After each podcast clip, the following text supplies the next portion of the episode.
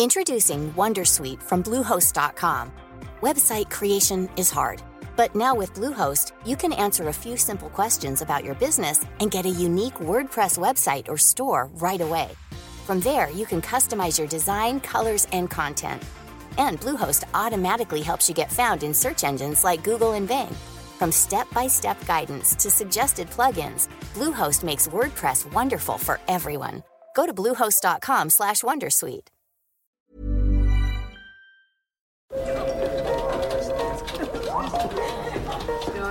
Dette er lyden av norsk næringsliv. Akkurat nå tas det små og store valg som kan bli avgjørende for fremtiden. Med økonomisystemet X-Leger tas disse beslutningene basert på informasjon i sanntid, slik at drømmer og ambisjoner kan bli virkelighet. Få kontroll og oversikt, gå inn på xledger.no. Denne sendingen er sponset av Xleger.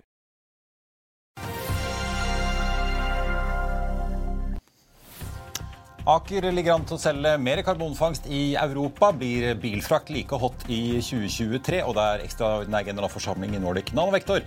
Dette er årets første morgen, og kalenderen viser 3. januar. Velkommen og god morgen.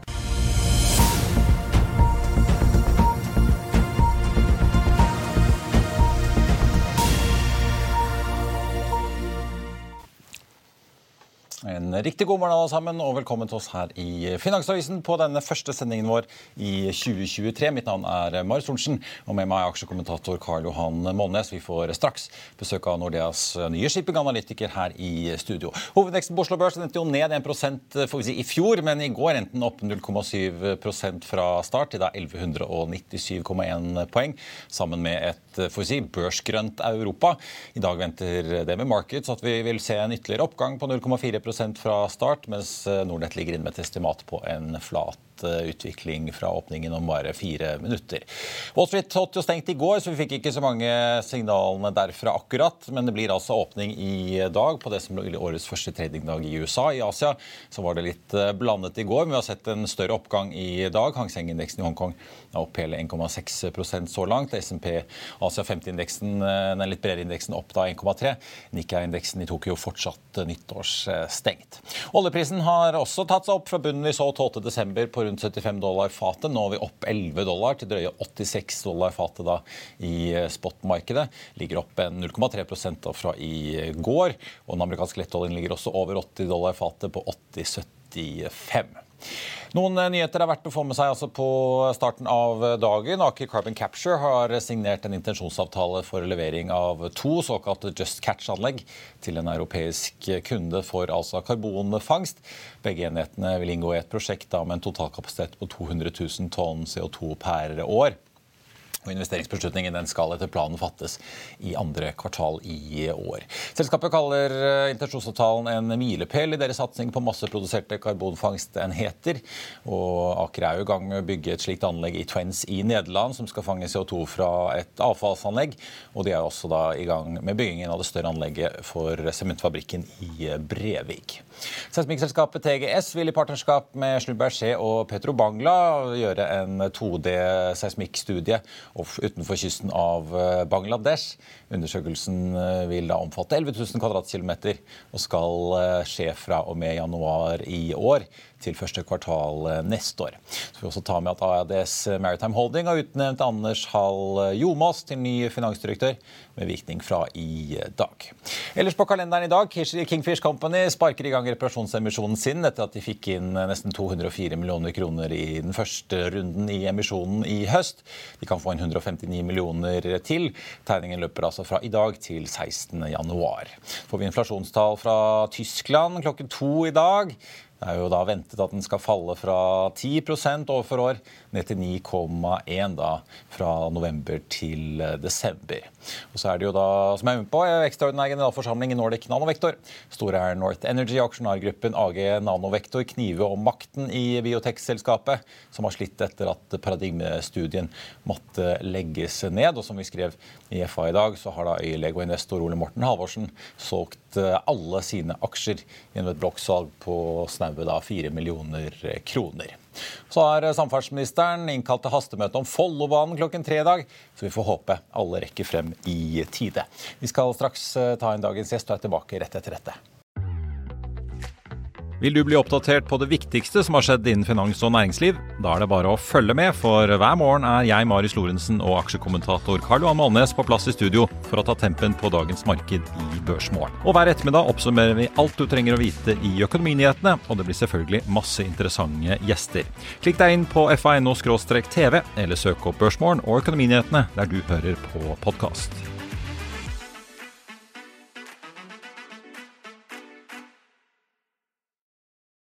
Da skal vi til eh, dagens gjest, som i høst gikk fra Fearnleys til Nordea som et ledd i å får vi si, revitalisere shippingdekningen til den nordiske storbanken.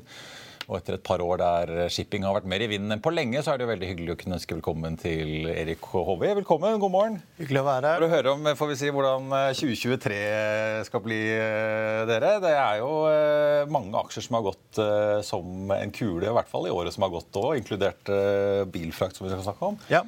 Veldig. Så shipping har jo vært eh, ekstremt vinnende. Og du har jo sett det både som en fokus på eh, energisikkerhet, eh, ikke minst. Du har hatt veldig lite investering i shipping over lang tid, som har kulminert i at både 21, kanskje for containere, som ikke var så godt på slutten av forrige i fjor, og for de andre segmentene i fjor har vært veldig, veldig sterkt. og flytta over til eh, Nordea nå i oktober og holder på å starte opp dekningen på, på litt forskjellig der nå. Ja, for var det helt, var den Hadde Nordea lagt helt ned shippingdekningen? Nei, nei, uh, nå har det ikke vært en dedikert shippinganalytiker der på, på, en stund, men ja. det har vært nå et veldig samordna fokus på å øke shippingeksponering i hele banken. Så både på låneporteføljen, men også, også på på ECM eller på kapitalsiden også på der. Så ble jeg henta som et ledd i å, å, øke fokuset på shipping. Så det har vært veldig mye, veldig mye det i det siste. Så det har vært veldig,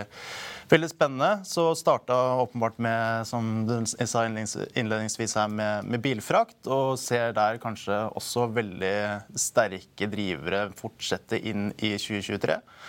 Det var jo et veldig sterkt år i fjor, både for tonnasjeleverandørene, men også operatørene. Eh, så har nå tatt opp dekningen på, på Valenius Wilhelmsen og Høk Outliners, og åpenbart med med kjøpsanbefalinger der. Og, det, er, det er de du kaller operatører som både ja, så, eier og drifter, mens ja. uh, Gram Car Carrier er en ren tonnasjeleverandør. Altså de bare eier skipene? Ja, ja. det stemmer. Så, så, vi har sett mye av oppsiden. Innledningsvis har vi kanskje kommet på, på tonnasjeleverandørene, for de ser den effekten mest gira eller mest direkte. Men nå ser man også at uh, operatørene, som da må reforhandle mer kontrakter som tar lengre tid, også begynner å få den rateutviklingen. Og, og det tror vi bare kommer til å fortsette inn i, i neste år.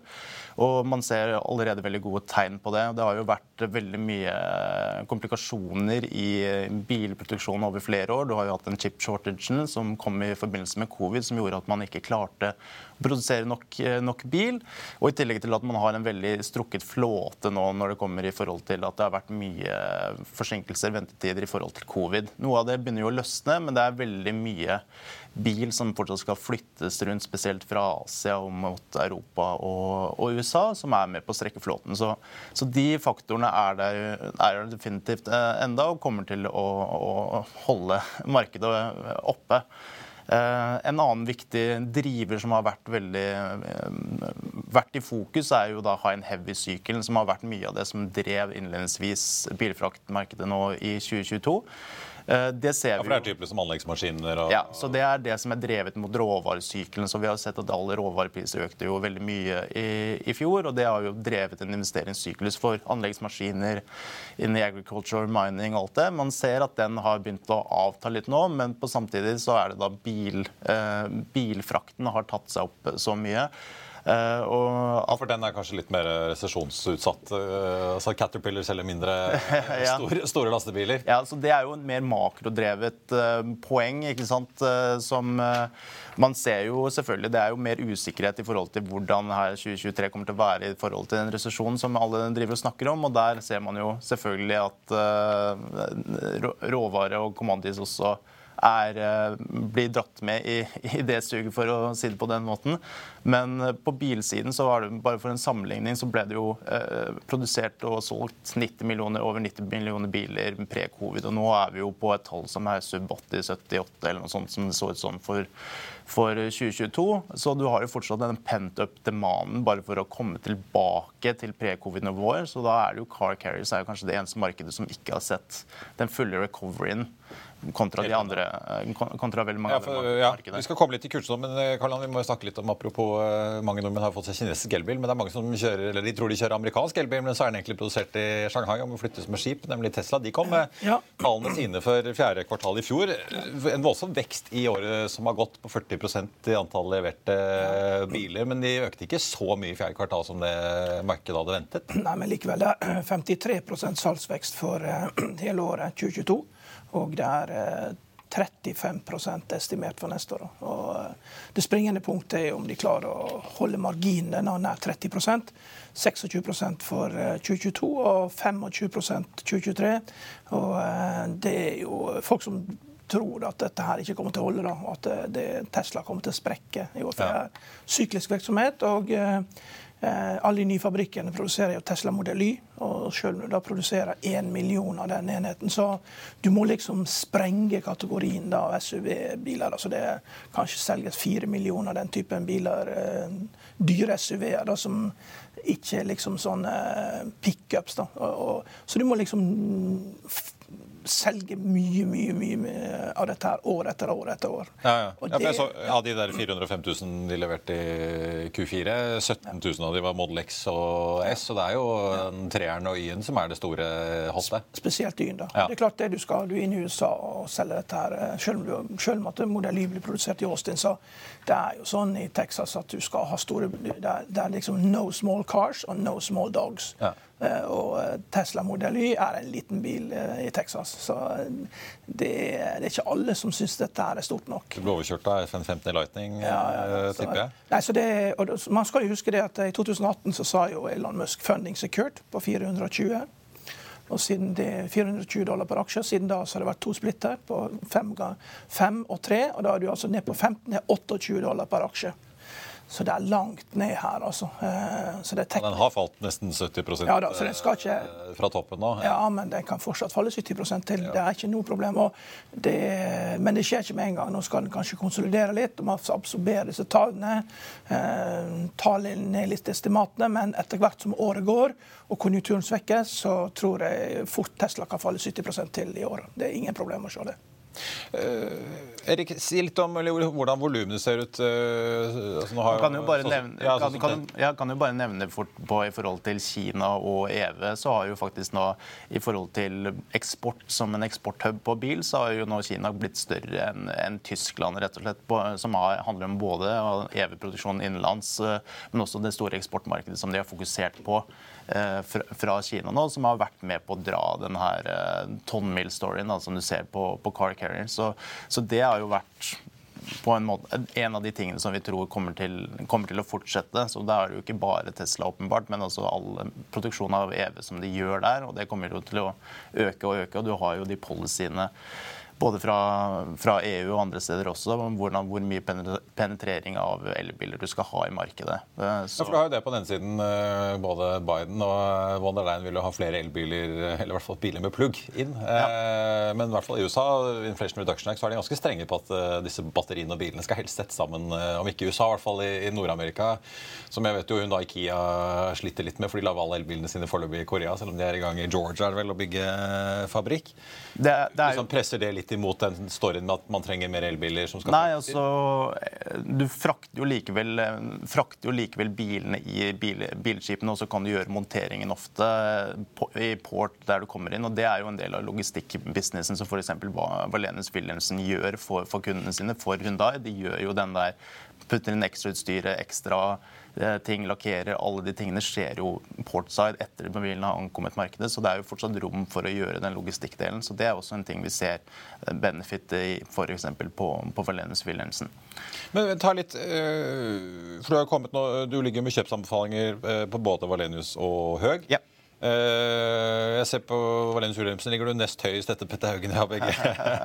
Men kjøp 135. Den liksom, eh, ligger sånn rundt 100 ja. kroner omtrent. Eh, Høg har du kjøpt på 94. Der er du høyest. Av alle analytikerne. Er du spesielt bull, eller er det bare litt tilfeldig?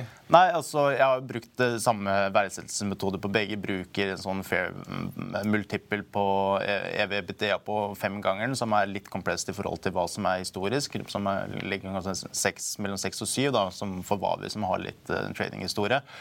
Så begge to da impliserte 50 oppside rett og slett på, på, den. Nå har jo Hva er det som skal drive det? Er det Det er jo fordi jeg tror eh, at du kommer til å få alle de KOA-kontraktene, eller kontraktene de har da med bilprodusentene, som, som ruller gjennom et år. Du kan si både, eh, både Valens Wilhelmsen og Høg Outliners fornyer ca. en tredjedel av Dette er lyden av norsk næringsliv. Akkurat nå tas det små og store valg som kan bli avgjørende for fremtiden. Med økonomisystemet X-Leger tas disse beslutningene basert på informasjon i samtid, slik at drømmer og ambisjoner kan bli virkelighet. Få kontroll og oversikt, gå inn på xledger.no. Denne episoden er sponset av van Brun, en fremtredende smykkeforhandler kjent for sitt brede utvalg av forlovelsesringer, gifteringer og diamantsmykker som bæres og elskes i generasjoner. Et frieri er en av de største øyeblikkene i livet, hvor forlovelsesringen er et tidløst symbol på kjærligheten. Valg av ring krever omtanke for både hvilket metall og diamant, med et bredt spekter av både naturlige og labdyrkede diamanter, og metaller som platina, gult gull, hvitt gull og roségull, hjelper de deg med å sette et personlig preg på din kjærlighetshistorie. Van Brun vil gjerne invitere deg til å prøve på tre av dine favorittringer fra nettsiden helt kostnadsfritt. Du kan også låne et bredt spekter av frieriringer, slik at du og din forlovede kan velge en ring sammen etter det store ja. Van Brun tilbyr 90 dagers åpent kjøp og 90 dagers gratis størrelsesjustering. Utforsk deres eksklusive sortiment i luksuriøse omgivelser. Bok en konsultasjon sammen med en diamantekspert i deres showroom i Oslo. Eller online på vanbrun.com. V-a-n-b-r-u-u-n.com kontraktene sine hvert år, som skjer jevnt over året. Så de kommer til å jobbe seg inn i et sånn sterkere ratebilde rater for kontraktene sine gjennom året. Så du har egentlig ikke fått sett hele den impacten av den rateoppgangen i de eh, ja, Det er et etterheng, på en måte? Det er et etterheng ja. der. I tillegg så har jo eh, så Valens Wilhelmsen gjør jo mest kontrakt, mens Høg Outline kjører også noe spot. De har kanskje en tredjedel av flåten sin også på spot. Så der har du jo sett den rateoppgangen litt raskere enn, en i Vavi, som også har sett litt av den outperformancen du har sett på på høk, men det er rom for at det skal gå veldig mye videre. Og jeg tenker, eh, de hadde, eh, Høg Outliners kommer også med månedlige trading updates hvor de sier litt om volumene sine, sier om de totale ratene. Og den for november tror jeg også ble litt uh, misforstått i markedet. For da så du at den totale snittraten deres, som tar både de high and heavy som vi snakket om litt tidligere, og uh, lette light vehicles, eller vanlige biler, så så du at totalraten deres, uh, snittraten deres gikk jo litt ned i, i, i november. Men det den viste også, var at allokeringen mellom high and heavy og biler gikk veldig mye med favør biler. Og Historisk så har jo High and Heavy vært et veldig premiumsegment, der du har fått mesteparten av earnings og mesteparten av marginen din har kommet fra det segmentet, selv om det er mye mindre andel. Nå ser du at ratene for vanlige biler går såpass mye opp at den visker ut mye av det premiumet. Så da har du jo rom for veldig mye økning i ratene for begge de to selskapene. Vi var inne på altså, High and Heavy, større logistikkting, mer resesjonsutsatt. Men hva er det du må se på en måte i, i verdenshandelen og bilsalget før du tenker at nå begynner også disse bilene bilfraktraten og personbilfrakten å kunne bli rammet her? Ja, jeg, jeg, tenker jo at man må jo komme, er, Du har jo den der pent up demand som vi snakket om. Du har jo ikke kommet tilbake til en sånn normal biletterspørsel ennå. Og du har jo da, som vi snakket om, den evige eh, penetreringen. Så du har jo et behov her for å skifte ut mer og mer av flåten. Så jeg sliter liksom med å se at det skal falle veldig mye bort med mindre det kommer en veldig, veldig skarp og, og sterk resesjon. At du rett og slett trenger å få frakta mye av de bilene til, til der de skal er varer det, tror du? Er det liksom Nei, det er sånn, sånn ryddjobb som går ut året? Eller? Nei, vi er, sånn som vi har sett på de forecastene vi, vi har, har, sett litt nøyere på, så er det for, ikke før i sånn 2024 at man kommer opp igjen på de tallene. Så den 2023 som demandmessig ser fortsatt veldig, veldig robust ut på tross ja. av, av, en, Hvordan, hvordan påvirker Kinas eksport av biler bilfraktmarkedet? Det har jo vært en av de kanskje viktigste driverne, rett og slett fordi som, som, som sagt at det er noe som drar tonnmil. Altså at bilene må fraktes mye lenger uh, i snitt når mye mer av det kommer fra, fra, Kina. Og Kina har også fokusert veldig på eksportmarkedet sitt. Så selv om jeg sier at det er bare 78 millioner biler eller noe rundt der, i hvert fall, som har blitt uh, produsert og solgt i, i, 2022, så er det mye mer av det som har blitt eksportert, enn det som har vært vanlig. Så Det har jo vært en veldig sterk driver. Så Kina har jo stått for veldig mye av den økningen i demand for bilskip. da. Ja, er det, er det Gram Carriers som har uh forsynt seg godt av markedsandeler, eller er det Jeg vil si, eh, si alle tonnasjeleverandørene også eh, har, har, hatt en veldig god benefit der. Nå er jo Gram den eneste som er lista, holdt på å si, eh, der. Men du ser jo også egeneide flåter både hos Gautaliners og Valens Wilhelmsen, så de får jo den benefiten der også. Men du, du ser jo på aksjekursutviklingen at det er jo Gram som har gått mest. Ja. får vi si da, Hvis vi runder av bare bilfrakt, fortsatt positiv. Der er det ikke så mye tonnasje på vei inn, men uh, Nei, to det... segmenter hvor det er det. Eh, er jo LNG og container. Yes. Hvor, hvor, hvor, nervøse bør vi være der? Nå vet jeg Du har ikke liksom offentliggjort uh, dekning på enkeltaksjer, ja, men hvis vi snakker som segmenter her nå kan, Vi kan ta bare sånn overordna på segmentene. så tror Vi vi dekker jo også som sagt Mersk fra, fra, fra København. Ja. Uh, så der har vi jo en hold-anbefaling på den aksjen. så den ligger, En hold-anbefaling har vel på rundt 15 700 danske, så det er vel kanskje litt lavere enn der aksjen er akkurat nå. Men uh, vi er, sliter litt med å se at uh, jeg, tenker 2023 kommer til å være De segmentene som kommer til å gå bra, er de som er drevet av lite supply som kommer inn. Uh, da er det jo spesielt container som ser litt verre ut enn de andre pga. det. Både pga. at det er Eh, kommer 10% ny kapasitet inn i markedet i år, og nesten like mye eh, i, i, 20, i 20, 2024. Eh, og i tillegg til at du har hele den der demand-siden på consumer demand ikke ser ut til å skulle komme tilbake. Nei. Men det første i hvert fall ikke med en resesjon. Ja. Så ser du både på chartermarkedene og på boksraten at det, nå har du så du flate boksrater forrige uke eller den siste uken i, i, i desember. Men sesongmessig er jo det også ganske mye svakere enn det det pleier å være. For det pleier å gå opp like på slutten av året der. Ehm, så, så, nå er det jo et spørsmål hvor lavt kan det gå før det skal, skal, bli bedre. Og så har du all den supplyen som kommer inn. Så jeg sliter litt med å se at vi skal ha et veldig godt uh, I hvert fall Der er det fare for en ja, videre nedside. Det er vel det markedet tror det er uh, mest risiko i, da, for, å, for å si det ja. på den måten. Og så har du jo selvfølgelig uh, de supply-drevne markedene er jo da tørt, tank, bil. Der ser du det er veldig lite supply som kommer inn. og da på, på ja, for Hvis du ser på tørrlast, da, nå kommer jo Himalaya på vel sine første skip nå eh, ja, påsketider. Ja. Eh, så det er jo noen som får inn uh, kommer, skip. Kommer inn. Tørrlast hadde jo et litt krevende fjorår, et veldig godt år før det igjen. Ja. Hva, så, så, der er, skjer det i år? Ja, så Der er det jo også lite skip som kommer inn. altså Det vi mente i forhold til liksom, det så for markedet i, i, fjor, var jo det at det var veldig mye ventetid, ineffektivitet, congestion rundt covid som også var med å dra markedet. Så har du jo åpenbart den krigseffekten på de mindre segmentene. Hvordan du måtte da flytte rundt for å frakte en del mindre ting som eh, mindre bulkvarer som korn og sånn, eh, som har vært og dratt markedet veldig. Så har du noen løsna mer på det nå. Og så har du ikke hatt et veldig godt eh, Kina, som åpenbart er den største driveren på, på tørrbulk. Nå har de jo løsna på, på covid-restriksjonene sine der, og det er nok rom for at eh, de kommer til med veldig, ganske, veldig mye sterke stimuluspakker. Og det ser man vanligvis at det tar kanskje sånn seks til ni måneder før de kommer ganske før de blir annonsert og brukt i Kina, til at du ser, veldig, ser effekten ut i tørrlastmarkedet. Så da er det sånn fra andre halvår, eh, gitt at eh, vi ikke får en veldig sterk resesjon, åpenbart, så, så ja, For det er to ting som balanserer, de balanserer mot hverandre? Der. De balanserer, så du har nå fått rydda litt opp i den ineffektiviteten, men du har nå veldig lav supply-side, og så har du en, en demand-side som egentlig kan bare gå oppover, nesten, ser det ut som. Etter, etter første halvår, i hvert fall, eller første kvartal.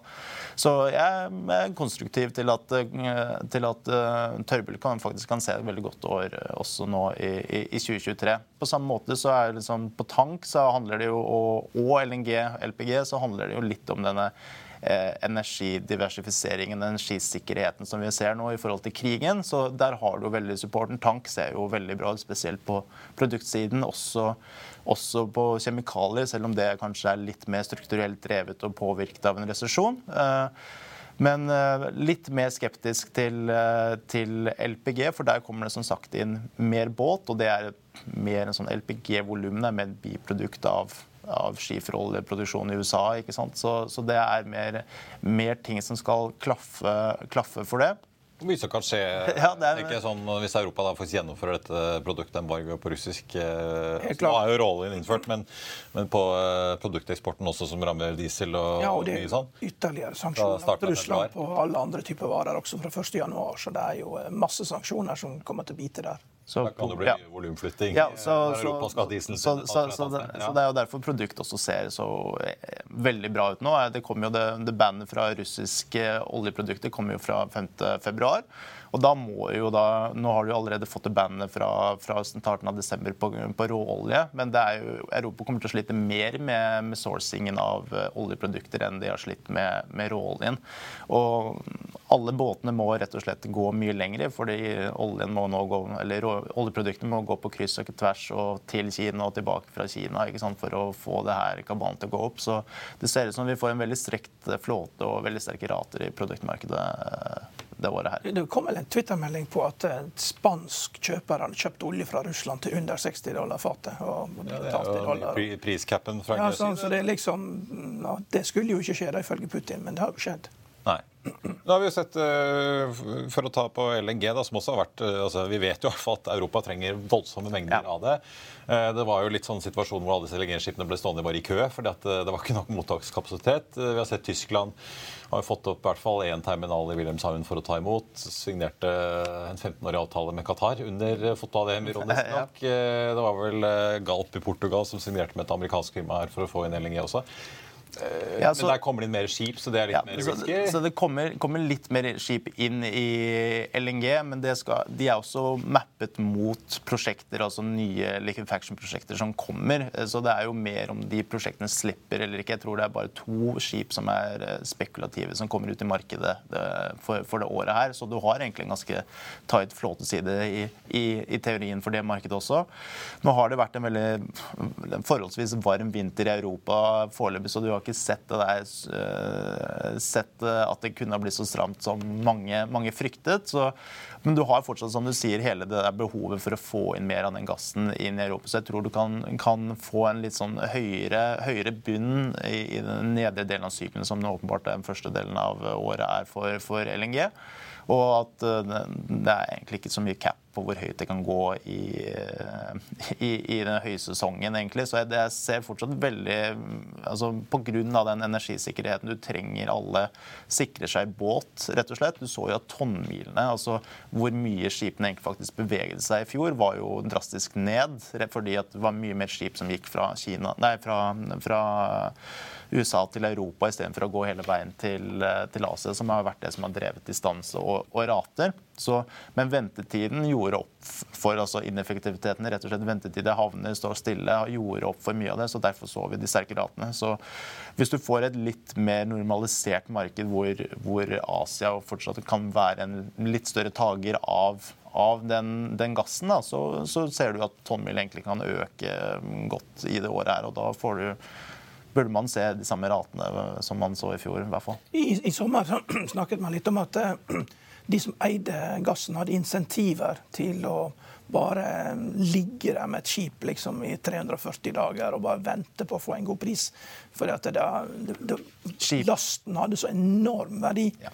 Uh, og Det kan jo enda ha skjedd, men hvis strømprisene nå ikke er så høye, så må jo det løses opp igjen hvis det ligger flere sånne skip. Ja, altså, så, så det var jo så, Verdien på lasten er så høy at uh, det er enklere å bare sikre seg en skip i tilfelle. Uh, for, for, å kunne da flytte og arbitrere på den lasten jo, utgjorde ekstremt uh, ekstreme verdier. ikke sant? Så, så det, det, så man jo veldig tidlig i, i, vintermarkedet i fjor, at alle traderne snappet opp alle skipene, så plutselig var det ikke noe skip i markedet, og så går ratene, ratene opp. Og for, for, deres, for tradernes del så var det jo mer bare kunne ha sikret at de har eh, tonnasje når de trenger det. Ikke, sant? ikke ned spillemarkedet. spille markedet. Så, så, det har vært eh, stramt uh, i forhold til skipssiden der. Så, men jeg tror du kan se de samme type dynamikkene på det. Jo. Det har ikke avtatt det. det er jo, statene trenger jo å sikre for at de får inn til å dekke energibehovet sitt. Så så du har jo support der. Eh, jeg tenker Det kanskje er den største, eh, en av de større driverne som du ser på LNG-siden. Så jeg er jo konstruktiv der òg. Det ser egentlig veldig spennende ut i de aller fleste segmentene. Se, på å se om det blir fusjon mellom Euronav og Frontline. Ja. ja. Det, det, blir vel årets joker. It takes two to tango. Ja, man sier. Ja. Jeg vet ikke om du vil spå noe der, Erik. Eh, vi skal i hvert fall følge med. Ja, det, det, kommer jeg også til å gjøre. For. Det tviler jeg ikke på. Lykke til får vi si med alle Excel-arkene og alle utregningene som skal gjøres eh, i sektoren eh, fremover. Takk skal du ha for at du kom til oss. På tampen tenkte jeg bare å ta med et par nyheter og et par analytikeroppdateringer som også har kommet de siste døgnene. Våstad Maritime har tildelt Hav Groups datterselskap Norwegian Electric Systems en kontrakt for å levere batteripakke pakke- og kontrollsystem for lading til offshore konstruksjonsfartøyet Deep eh, Signus. Og så kom jo da selve bolig med sine salgstall for fjerde kvartal i eh, går, som viste en markant nedgang da fra året før. Aksjen endte likevel opp en halv prosent, ned da 30% siste året. DNB Market skriver i sin morgenrapport at de kutter nå kursmålet fra 32 til 25 kroner, og nedgraderer da fra hold til salg på Selvåg eh, bolig. Og så har vi vår drilling. Mandag oppjusterte Sparebank1 Market sitt kursmål fra 60 til 65. I, dag, i går endte ned nesten 5% til 50,83. Og Det var årets første børsmorgen med en eh, Oslo-børs som fortsatt tikker oppover for andre dag på rad. Kalenderen viser altså 3. januar. Husk å få med deg Økonominyhetene 14.30. Da har vi med oss Trygve Hegnar. I mellomtiden får nytt på fa.no gjennom hele dagen. Ha en riktig god børsdag alle sammen. Vi ses.